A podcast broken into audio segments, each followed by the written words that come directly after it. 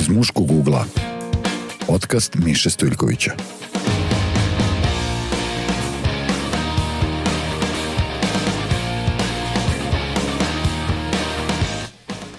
Dobar dan, E, evo još jednog izdanja podcasta iz muškog ugla pred vama i e, ovaj put e, sagovornik nije sagovornik, nego je sagovornica e, i obećavam da će ih biti više u nastavku e, ovog projekta, bar se nadam da će cela ova priča potrajati dovoljno dugo, da uključimo i e, sve više sagovornica u ove teme, iako je ideja ovog podcasta da pričamo o rodnim stereotipima i rodnoj ravnopravnosti pre svega e, kroz prizmu muškaraca, kroz prizmu nekih njihovih potreba, očekivanja, pritisaka i tako dalje i tako dalje. E, važno je čuti i ženski ugao muškog ugla, E, pa eto, e, zato je danas moja sagovornica Aleksandra Mališić, e, mogu slobodno da kažem aktivistkinja koja se dugo bavi pitanjima roda i rodne ravnopravnosti, trenutno to i studira, a ovde je i kao koautorka jedne zanimljive izložbe koja je bila postavljena na Kalemegdanu, na onom glavnom šetalištu Savsk kod šetalište, mislim da se zvanično zove. E, izložba je bila e, posvećena e, reakcijama na društvenim mrežama na neke teme nasilja prema ženama. Ali da ne pričam ja previše e, od samog starta, e, red je da, da uvedem i svoju gošću u razgovor. Aleksandra, dobar dan, dobrodošla i drago mi je da ćemo popričati o ovim temama. Dobar dan, hvala na pozivu. Verovatno sam preskočio e, neke stvari kojima se ti baviš, e, tako da ti evo sad dajem priliku da dopuniš i da se predstaviš e, našim slušalcima i gledalcima Uh, jel sam dobro rekao da sve se baviš dobro, negde temama sve roda? Tačno, da. tako je, dakle, angažovan sam s različitim projektima, tako da je to ukratko, jel, Mhm, nekako, možemo reći, da. pravima žena i položajem žena u Srbiji na sve načine koji su mi dostupni, koje Aha. osmislim. Uh, I evo, kad već imam priliku, ja bih najavila našu publikaciju, dakle, koju sam radila sa koleginicama Tanjom Ignjatović, Vedranom Lacmanović i uh, Jelenom Ivković, a koja se tiče, dakle, istraživanja uh, uh, obrazovanja o seksualnom i reproduktivnom zdravlju i pravima. Doći ćemo do te teme, vrlo je važna, ali bih volao da počnemo od izložbe koja je bila organizovana početkom marta na Kalemegdanu i zvala se Hej, popravile smo vam ovo, je li tako? Hej, ispravile, ispravile smo vam ovo. smo vam ovo. Uh, hajde nam objasni o čemu se radilo i, i pošto je kratko trajala izložba samo nedelju dana, ali bih volao da čujem i kakve su bile Jeste, reakcije. da, ali nekako traje i dalje, ovaj, Da. upravo zato što tako puno govorimo mm -hmm. o Mhm. njoj. A, dakle, izložba je zamišljena a, da problematizuje, odnosno da nekako u javnost ponovo iznese taj problem sekundarne viktimizacije a, žrtava. Mi smo u trenutku, jel sad taj projekat, pošto je on vrlo ograničen, ili smo šest mm Mhm. -hmm. panoa, izabrale da to budu a, žrtve seksualnog nasilja koje su a, bile, su zatno zastupene u javnosti protekli godinu dana. I a, verovatno sad svima poznato jel, kako je pre, prethodnu godinu obeležilo različite ispovesti. A, počelo je u januaru sa Milanom Radulović i Ivan Milinčić i drugim glumicama koje su optužili Miku Aleksića seksualno a, nasilje. Bilo je tu različitih dijela za koje je on optužen. Pa onda nekako preko Daniele Steinfeld, petničarki, afere u Jagodini, i nekih drugih koje se kulminiralo uh, na Twitteru u decembru krajem godine kada su masovno, dakle one anonimne žene sada, jel, koje nemaju pristup uh, tako lak medijima, koje se ne bave nekim javnim poslom, uh, to je bila lavina komentara uh, da žene govore o nasilju i razlozima zašto nisam prijavila, jel, to je bio onaj hashtag um, koji je pokrenula Dax Stošić, nisam prijavila.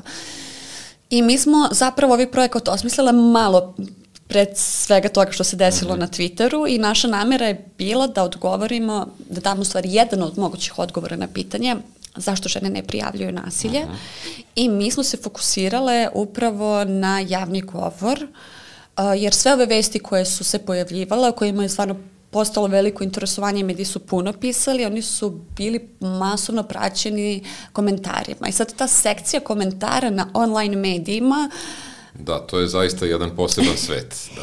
Jeste, ja mislim da oni zapravo predstavljaju kao neku vrstu koautorstva, jel? Mm -hmm. zajedno sa celokupnom redakcijom u reprodukovanju nekakvih vrednosti i sadržaja uopšte na tim medijima, bilo direktno na sajtu ili na komentarima na društvenim mrežama, na nalozima tih medija.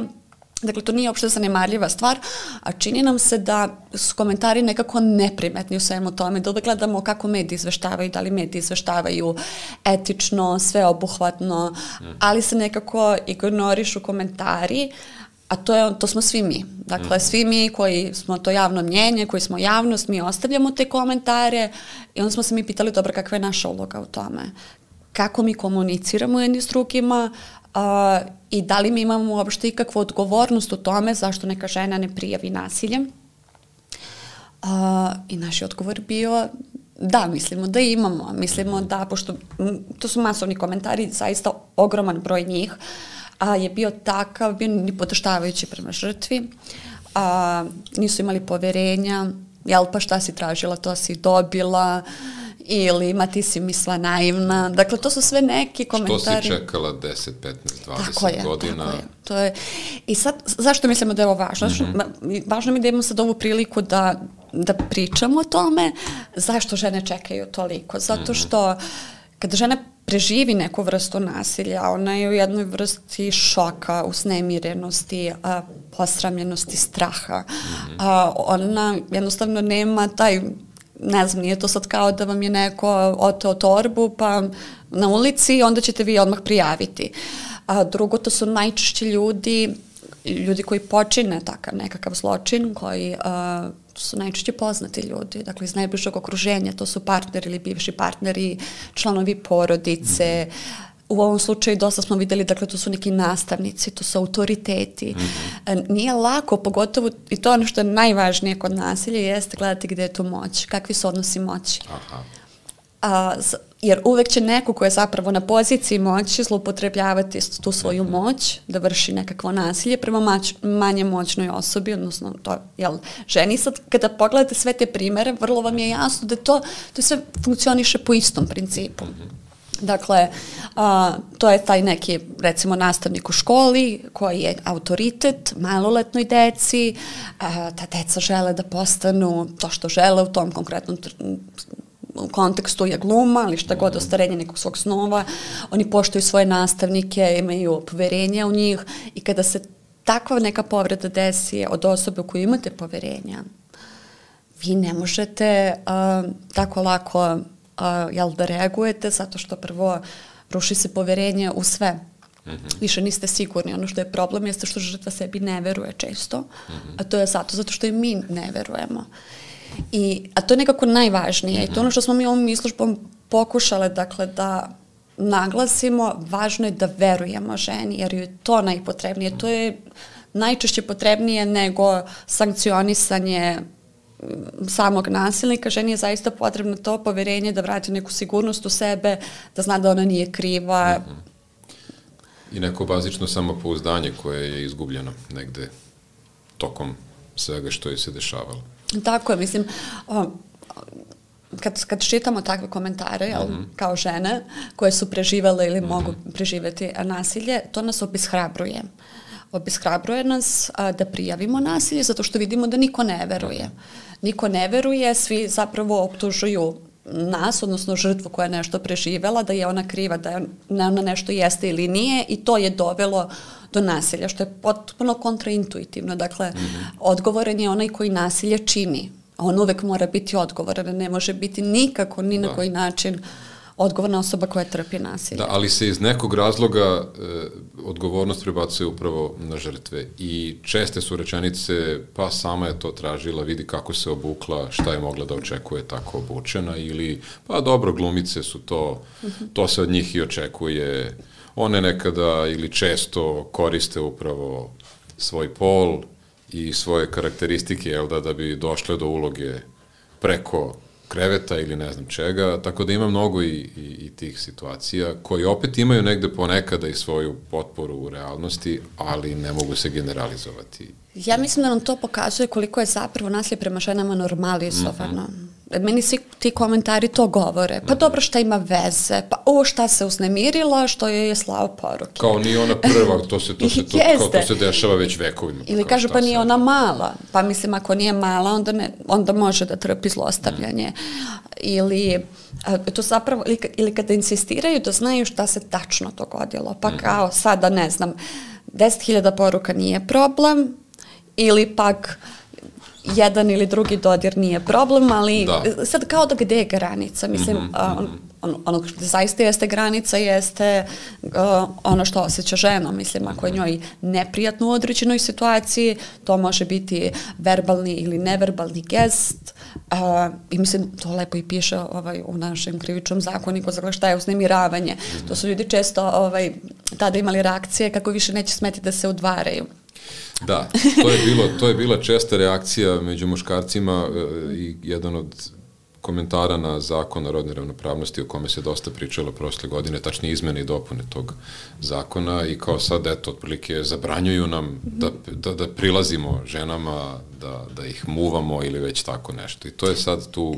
Ja bih se uvek na to Uvek, pitala, da. a, a kako vi zamišljate muvanje? Mislim, e, to, to je, nekako bih vratila to da, da sad e, ti ljudi zamisle šta je njima muvanje. Dakle, ako je muvanje prekoračivanje nečijih granica, telesnih, ličnog integriteta, ja to ne bih prosto nazvala muvanjem, mislim to je prosto, zato, zato je to tako i nazvano, jel, Da, da, kao da. uznemiravanje. Znači sve što nije obostrano, što ne nailazi na nekakvu potvrdu, dakle vaše nije pristanak, Mhm. mislim i to naravno ne mora da se overava kod notara, mislim da je svakome jasno Da, da, da. šta znači pristanak i šta znači odgovor, jel, na nekakav poziv. E, i tu sada jednim delom dolazimo na teren onoga što si pomenula na početku našeg razgovora, taj priručnik za seksualno i reproduktivno zdravlje. E, tačnije, do rada sa e, decom e, i sa školarcima upravo u periodu kada oni sazrevaju i kada negde dobijaju prve informacije i neke izrečene, a boga mi mnogo ovih neizrečenih o tome šta je poželjno, šta nije poželjno, šta se sme, šta se ne sme, da li dečak treba ipak da bude malo agresivniji, navalentniji, jer nekako priroda je to tako uredila, da li devojčica nekako sad treba tu malo da bude, e, da se malo povuče i tako dalje. To se sve uči praktično od rođenja. A svakako već od obdaništa, od momenta kada deca uđu u grupu i kada počnu negde sami da regulišu svoje odnose.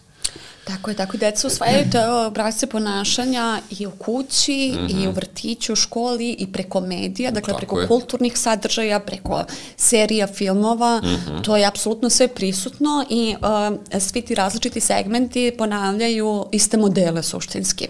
Dakle, nešto se tu može uh, površinski razlikovati, ali uh, to su sve te iste ulogi koje se ponavljaju i šalje se poruka to- to su te poželjne prihvatljive da. uloge ako hoćete da budete dobri u društvu.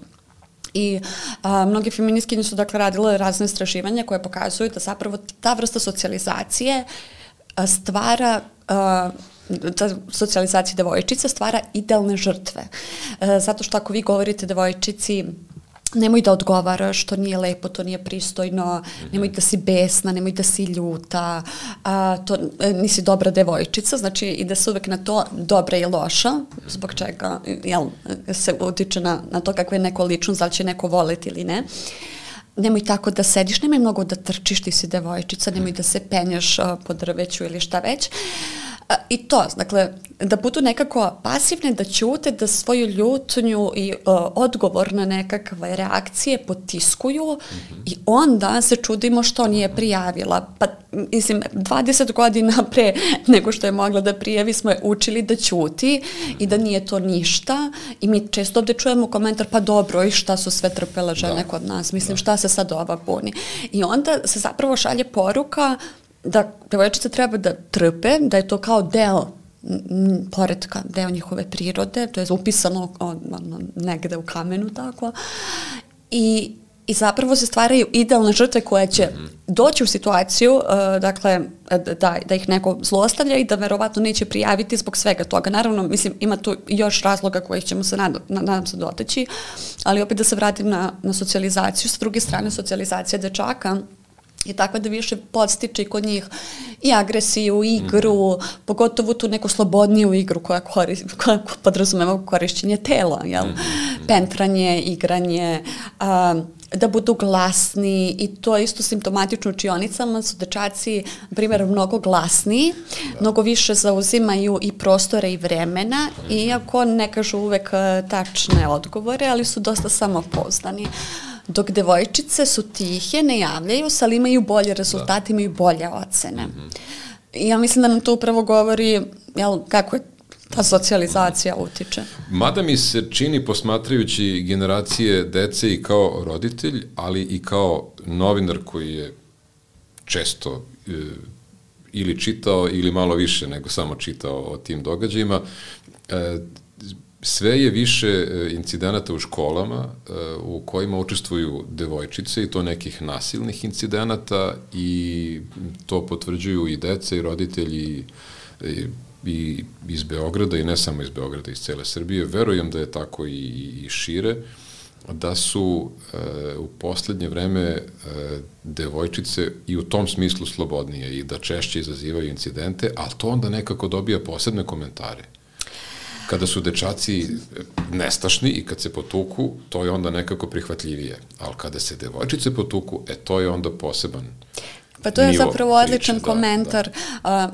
Uh, upravo zato što onda nam to izazove pažnju. Jeste, jer nije toga bilo ranije, kao u moje vreme to stvarno nije bilo tako. da, ali u moje vreme Često se čuje, je da. bilo normalno da se dečaci svakodnevno tuku, pa Jeste. su bile one zakazivane tuče Jeste, posle škole, to, da, pre škole da, i tako da. dalje, to je bilo normalno svima. Da, to, da. Niko se nije pitao eto, sve više nasilja. Mislim, nasilje je stvarno sve više, generalno, među mladima. I to poprima užasne razmere, pogotovo upotrebom interneta, brzinom, da. jel, razmene tih... Da, uh, digitalno nasilje je tek posebna tako tema. Je, tako i, je. Tako da, mislim, to bih povezala generalno sa, sa, sa time koliko je nasilja uopšte u našem mm -hmm. društvu, ali to je zaista nešto čime mislim da treba ljudi da se mhm. bave i da se govori. Jedna posebna mhm. tema zapravo je nasilje kod mladih, digitalno nasilje, vršnjačko mhm. nasilje, koje mislim se preliva zapravo iz nekih drugih segmenta društva. E, vraćam se opet na tu temu e, reproduktivnog zdravlja i, i e, obrazovanja dece od, od, od, od samih početaka osnovne škole. Ja mislim već i od vrtića da može vrtića, da se krene i Incest Trauma Centar je bio dugo spremao one pakete čuvene koji su dugo pripremani i dobili odobrenje Ministarstva prosvete i onda su odjedan put naišli na Tako reakcije većeg dela javnosti, ne samo desnog, nego generalno. I to je onda nekako povučeno I od onda opet stojimo i ništa se da, ne dešava. Da, opet stoji. To je bilo 2017. Jest. godine su povučeni. Dakle, pet godina je prošlo. To je izuzetno važna tema i za dečake i za devojčice. Jeste. I za budućnost na kraju krajeva svih nas. Apsolutno. Ja se bojim samo da ti ljudi koji su tada ovaj, pružali otpor, da su oni nekako dobijali previše medijske pažnje, to su bez sumnje uticajni ljudi, ali nekako su oni dobijali toliko medijsku pažnju da je izgledalo kao da je mnogo ljudi protiv, ali ja prosto, eto, volela bih kad bi medijsku pažnju mogli da uzmu i neki koji bi mogli argumentovano zapravo da objasne o mhm. čemu se tu radi. A, a, dobro si to rekao da Klinic Trauma Centar je pravilo te, te, napravili su te obrazovne pakete, ali bila je još jedna inicijativa u Vojvodini, to je pokrenjski sekretarijat za mhm. omladinu, To je bilo 2012. godine pokrenuta ta inicijativa i tri godine je sprovođena I onda isto tako ugašena posle tri godine, iako su rezultati evaluacije pokazali odlični rezultate. Vrlo pozitivne promene. Zašto nam je to obrazovanje bitno zaista od vrtića? Zato što ona rešava toliki broj problema. S jedne strane rešavamo seksualno uznemiravanje, učimo decu da prepoznaju uh mhm. -huh šta je seksualno uznemiravanje, učimo ih da e, čuvaju granice uh, svog, tela, svog da. tela, svog ličnog integriteta, da znaju kome da se prijave, da mhm, znaju mhm. kako uh, da se zaštite zapravo, od koga da traže pomoć. I, uh, I to istraživanje, baš koje je radio Incest Trauma Centar pre izrade paketa, je pokazalo da svako četvrto dete u školskom odeljenju je žrtva seksualnog nasilja. I da najčešće, mislim, to su zaprepašćujuće brojke, mm I da najčešće kada su oni žalili, odnosno kada su se obratili starijima, stariji nisu preduzimali ništa. I e, čak i u tom, dakle, kad mi volimo da mislimo smo na decu, jel mnogo osjetljiviji na žene, možda baš ne toliko, ali kao na decu malo više, ali nam ti podaci pokazuju mm -hmm. da zapravo mi ne verujemo ni deci, kao da, da nam je nekako ta tema toliko neprijatna, da zapravo ostavimo decu nezaštićeno. Ono što je najgore od svega jeste što ih ostavljamo sa tim da. osjećanjem meni ne veruju, da. mene neće zaštititi. I to važi i za dečake i za devojčice, podjednako. E, nekako se, se žrtvama već na tom uzrastu ne veruje dovoljno ili se možda prosto te neke situacije zanemaruju i previše onako ublažavaju. Da. Ne daje im se na značaju. E, i, I jedna od e, stvari koju bih volao da, da te pitam da prokomentarišeš jeste i to što statistike i u, Srbiji i svuda u svetu pokazuju statistički podaci tačnije da su muškarci e, istovremeno u ogromnom procentu i počinioci nekih krivičnih dela, otprilike oko 90%, ali da su u 70% situacija žrtve. E, tako da je ova priča o, o učenju granica i, i, i nekog otpora bilo kakvom obliku nasilja važna podjednako i za dečake i za devojčice, jer i dečaci treba da nauče da se suprotstave negde. Jeste, apsolutno, apsolutno i treba da grade, treba, sva deca treba da uče da grade zdrave međuljudske mm -hmm. odnose, zdrave ljubavne odnose uh, i to mislim da je ono što treba da se uči pored toga što se uči, ne znam, anatomija, što i sada već ima recimo u časovima biologije i tako dalje, ali ono što je važan aspekt celog tog obrazovanja kao paketa jeste da se deca uče poštovanju, mhm. međusobnom poštovanju, samopoštovanju, dakle da grade neke zdrave odnose o kojima jel, neće ponavljati a, tako neke, a, da kažem, nasilne obrazce ponašanja koje usvajaju. I E, ja sam naišla na jedno, dok smo radile tu analizu, To je polis analiza, mi smo dakle istraživale naše strategije i zakone, međunarodne ugovore, šta oni kažu, šta mi moramo da imamo od obrazovanja kada je to u pitanju, a šta imamo zaista. I ja sam našla na jedno istraživanje, a, mislim da je radio Novosadski humanitarni forum, a, kvalitativno istraživanje, dakle šta deca znaju ovaj, o o tim temama, kako se informišu. Oni se uglavnom informišu preko interneta, -huh. A, zatim preko roditelja, vršnjaci, te škole je tek negde na poslednjem mestu, ali ono što je interesantno jeste da su deca prepoznala a, da žele zapravo to obrazovanje u školama. Mm. I to su sad zanimljivi su, jer su mm. njihovi odgovori, kvalitativno da. istraživanje. Oni kažu, ja pa ovo je prvi put da mi s nekim razgovaramo o ovim temama i mi bismo voleli da je ovo u školi svakog mm. dana. Mm. I to isto i istraživanje trauma centra pokazalo da polovina njih skoro je prvi put govorila recimo o kontracepciji, o temi seksualnosti, o mhm. ljubavnim odnosima, uh, prvi put tokom tog istraživanja. Da. Dakle, s tom decom niko ne razgovara, to njih naravno najviše interesuje. Da. Jel, kad uđu u neko tineđersko doba. Pogotovo da, u adolescenciji je to ključna tema. Jeste. I to je ono što ih najviše interesuje, a najmanje informacije dobiju. Tako je, čekaj, to je potpuno zabrinjavajuće. Mm. Imamo onda problemi javnog zdravlja. Da. Zato što smo da. upravo zbog tog nedostatka informisanosti, mladi su prilično ugroženi po broju, uh, postotku jel, polno prenosivih bolesti, neželjenih trudnoća, mm mislim da prednjačimo, čak u Evropi smo ovaj, na jednom nezavidnoj statistici povodom toga, upravo zato što nemaju informacije. Dakle, njima treba, trebaju proverene informacije, činjenice, treba im sve objasniti i da će oni posle jel lago. I treba im obezbediti naravno kontracepciju besplatno. Mislim da je to jako važno.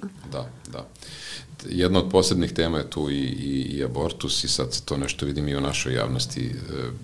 E, malo češće pominjen nego, nego ranije, vidjet ćemo u kom će to pravcu da ide, ali bih sad voleo da, da, da, da skrenemo razgovor na jednu drugu temu, a to je šta žene žele. E, s obzirom da si e, i ti bila već autorka jednog podcasta sa tim e, nazivom.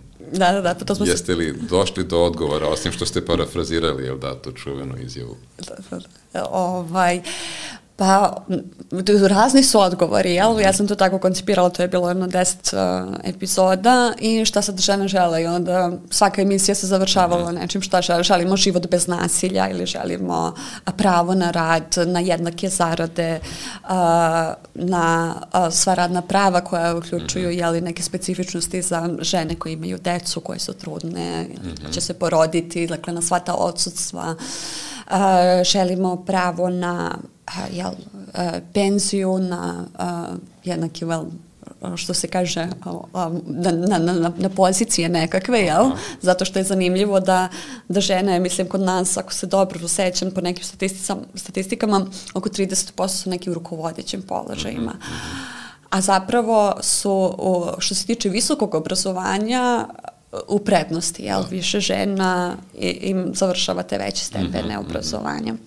Tako da ima tu niz par, paradoksalnosti, ovaj, tako da smo ovaj, se baš pre nego što smo se uključili smeli oko toga kako ja iz emisije šta žene žele govorim u muškom uglu što može da bude uglu, da. zanimljivo. Ja mislim da su to dva e, ugla e, potpuno komplementarna i da se moraju uključiti oba. Da, da, da je nemoguće da, da jednom bude dobro na uštrb onog drugog, nego da se negde mora naći ravnoteža. Slažem se. I čini mi se da smo zatrpani silnim stereotipima uz koje odrastamo i da smo pod velikim pritiscima društva i mi muškarci i vi žene i da nam je teško da, da ih sve i pobrojimo i da mnogih nismo ni svesni.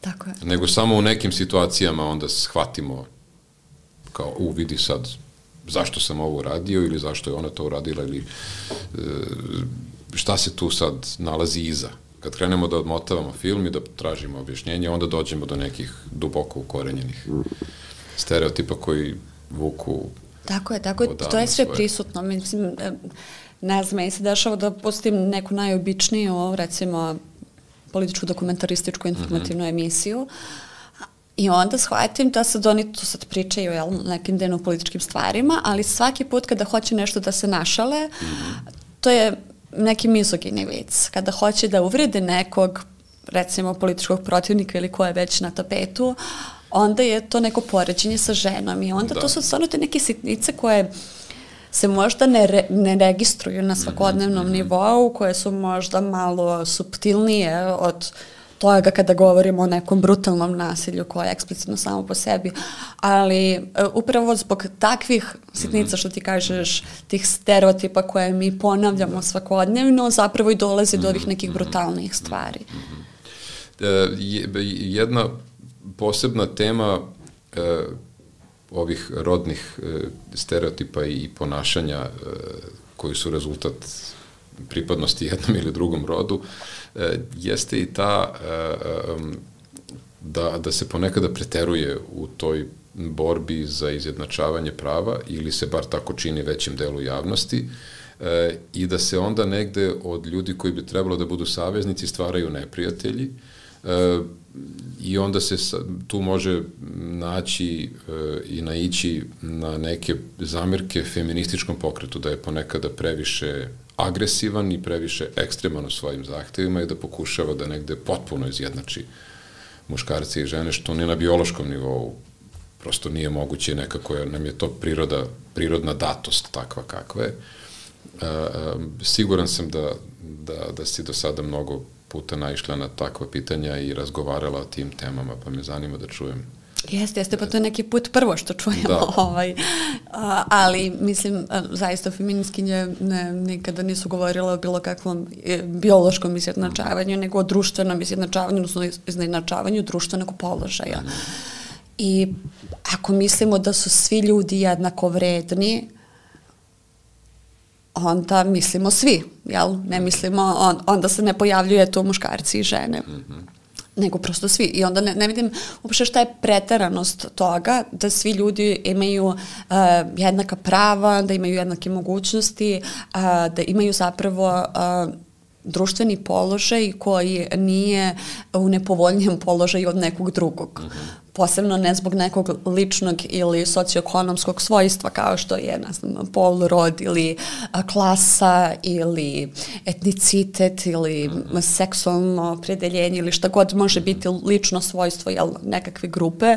Dakle, jednostavno mi smo za to da svi ljudi budu jel, nekako da žive u, u jednakim uslovima, da zauzimaju iste, da imaju iste prilike, iste šanse, da, da, da mogu zaista da ostvare svoje potencijale.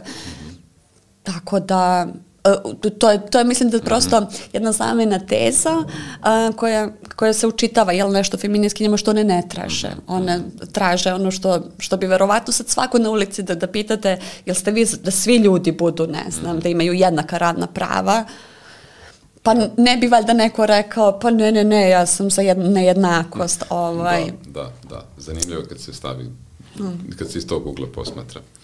Um, jedno od pitanja koje postavljam skoro svim sagovornicima u ovom podcastu, se nekima se zapričam pa ne stignem jer to kao čuvam za kraj i onda ode razgovor pa se ja e, ne setim na vreme, ali e, sad sam se posebno potrudio da, da ne izostavim to pitanje.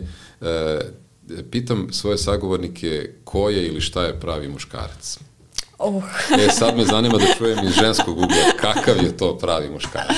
Kakvog muškarca žene žele? Ah, nisam se pripremila uopšte za ovo pitanje, ali pokušat ću da nešto kažem, jel, da. lično, jel, kao ne bih da ulećem u te neke da, generalizacije. Da, da, naravno, pa uvek je lično, da. Ali, uh, da je to, jel, uh, muškarac koji je saveznik, mm -hmm. koji je tu da podrži uh, a, svoju ženu, partnerku, u tome da se ona brine za sebe i a, da ostvari jel, svoje potrebe, želje i potencijale. Dakle, neko ko razume, neko ko veruje i ko podržava. Dakle, nasuprot onome što smo recimo u ranijim periodima, to jest do juče praktično mogli da čujemo da je pravi muškarac onaj koji brine o ženi. Ja bih rekla da je pravi muškarac onaj koji koji brine da žena samostalno i podržava da ona samostalno radi ono što bi sa svojim životom. Dakle, neko koji je saveznik, što znači da se oni nalaze na nekakvom istom nivou jel, razumevanja jednog drugog a, i u odnosima moći, -hmm. jel, da neko od njih nije to, a, da ne postoji neka velika razlika A, I dakle da je on saveznik, a ne neki jel, staratelj, mm jer, jer to odmah podrazumeva neku poziciju iznad i uvek neku dominaciju koja onda vrlo često bude iskorišćena. Često se u tim e, razgovorima na temu ko je ili šta je pravi muškarac e, čuje i, i, i jedan argument da ipak žene na nekom nivou očekuju da ih muškarci zaštite i da vole da se osete zaštićeno ali svi ljudi vole da se osete zaštićeni. Mislim, e, i muškarci jel, u, u tim odnosima sa ženama takođe u nekim situacijama vole da se osete zaštićenim, da neko za njih brine. Dakle, svi mi imamo te faze kada smo ranjivi, uh, neke faze kada smo jači, to je sve u redu. Mislim, pa imamo i jedne i druge faze i mislim da je zrelo da pokažemo i jednu i drugu fazu i da je to uspešnoj vezi jeste kada ste u stanju da jedno drugome pokažete ranjivost, a onda očekujete od one druge osobe, bez obzira da li je to muškarac i žena, da se za vas pobrine. Da, to je ta klackalica koja stalno ide s jedne na drugu stranu, ali je negde važno da u proseku bude tu. Neko... Da, da, ja, ja mislim da je to isto samo jedan stereotip, mm -hmm, gde se muškarci pojavljuju kao da. zaštitnici, ali ako se setimo bilo kog svog intimnog odnosa ili ono što vidimo oko sebe u realnosti, jeste muškarcima zaista često treba zaštita i on je traže od da. svojih partnerki. Da, I, i tu je onaj drugi stereotip da muškarci ne treba da plaču i pokazuju emocije, jer kao žene ni to ne vole. Ne vole da vide muškarce koji je sad tu nešto previše osetljiv, nego kao da bude... to nije tačno.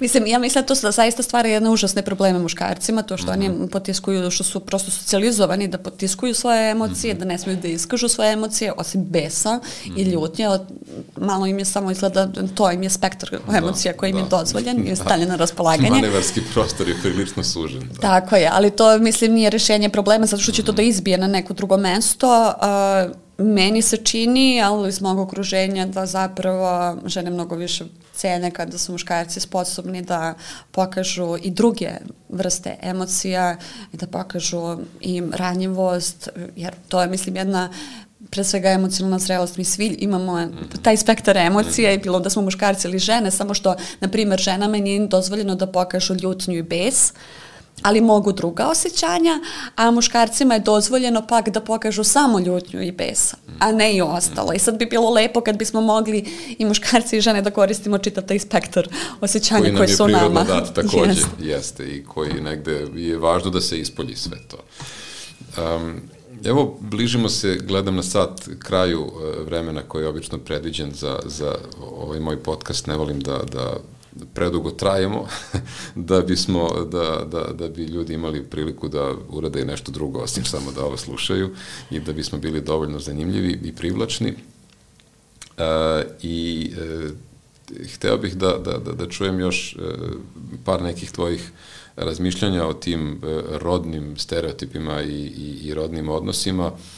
Um, kako ti se čini ovo sve što se desilo u Srbiji? Ti si pomenula brojne neke događaje i ispovesti koje smo čuli tokom 2021. godine, pa evo i tokom ove 22. smo imali e, priliku da vidimo evo najsvežiji u momentu kada mi sad ovo snimamo jeste slučaj tog jednog nastavnika u, u nemačkoj školi, pa je prethodno bila i jedna advokatica koja je govorila o napadima svog kolege, dakle na raznim nivoima sad se to već sve pojavljuje. Šta tebi to govori? Da li misliš da se stvari negde pokreću se neke mrtve tačke. Apsolutno, apsolutno. Mislim, ja kad se setim mogućnosti za delovanje pre 10 godina i sad one su potpuno drugačije a, i ja mislim da su za to zaista ovde kod nas zaslužne ženske organizacije koje na tome rade poslednjih 30 godina, one su uticale na to da se zakonodavstvo promeni, da se prosto uh, neke stvari jel, e, uvedu u krivični zakon, da se dovede zakon, na primer, o a, zaštiti, a, odnosno preven, ne znam tačno kako se zove zakon, sad sam se malo zbunila, ali a, izmene su bile i porodičnog zakona, a, E, ne, ne znam kako se zove taj novi zakon, potpuno sam se zbunila. Da, prevencija zlostavljanja, ne, nije ni to. Znam, otprilike ime i ja sam o sprečavanju nasilja u porodici. Ja mislim, baš je to sve usklađeno sa konvencijom mm -hmm, Istanbulskom koju smo mm -hmm. ratifikovali 2013. godine.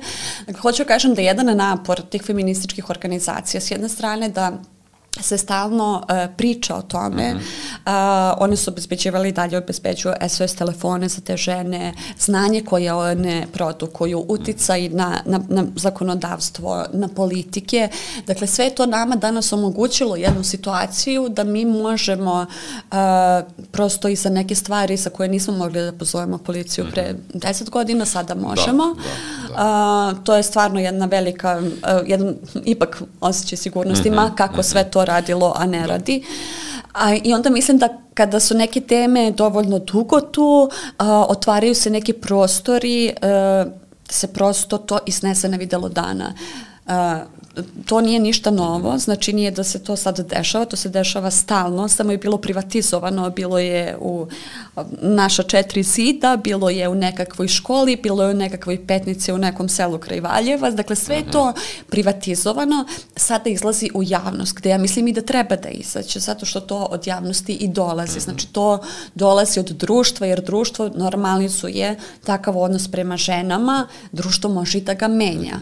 I ja mislim da zašto se su se one obratile javnosti, zato što u tim nekim situacijama javnost je jedini saveznik.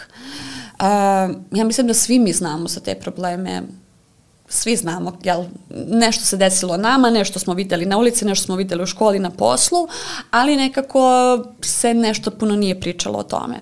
I onda ako vi kao žrtva preživite nekakvo nasilje i shvatite da nećete imati podršku ni policije, recimo ni tužilaštva, da će to sve ići teško, jer inače ti procesi zaista su mučni, traju godinama, završe se kako se završe, uh, onda je jedini saveznik javnost. I ja mislim da su od prosto te glumice i razne druge osobe, Marija Lukić u krajnjemu, koja je da. jel, prvo neko lice koje je izašla u javnost i molila javnost mm -hmm, za pomoć, mm -hmm. s obzirom da je i optužila jel, uh, jednog vrlo moćnog čoveka u Brusu. Uh, a, koji imao zaštitu a, na svim mogućim nivoima. I ja mislim on je na kraju osuđen, to jeste bila neka smešna kazna, ali ja mislim da, da nije bilo te pažnje javnosti, on ne bi dobio ni tu osudu.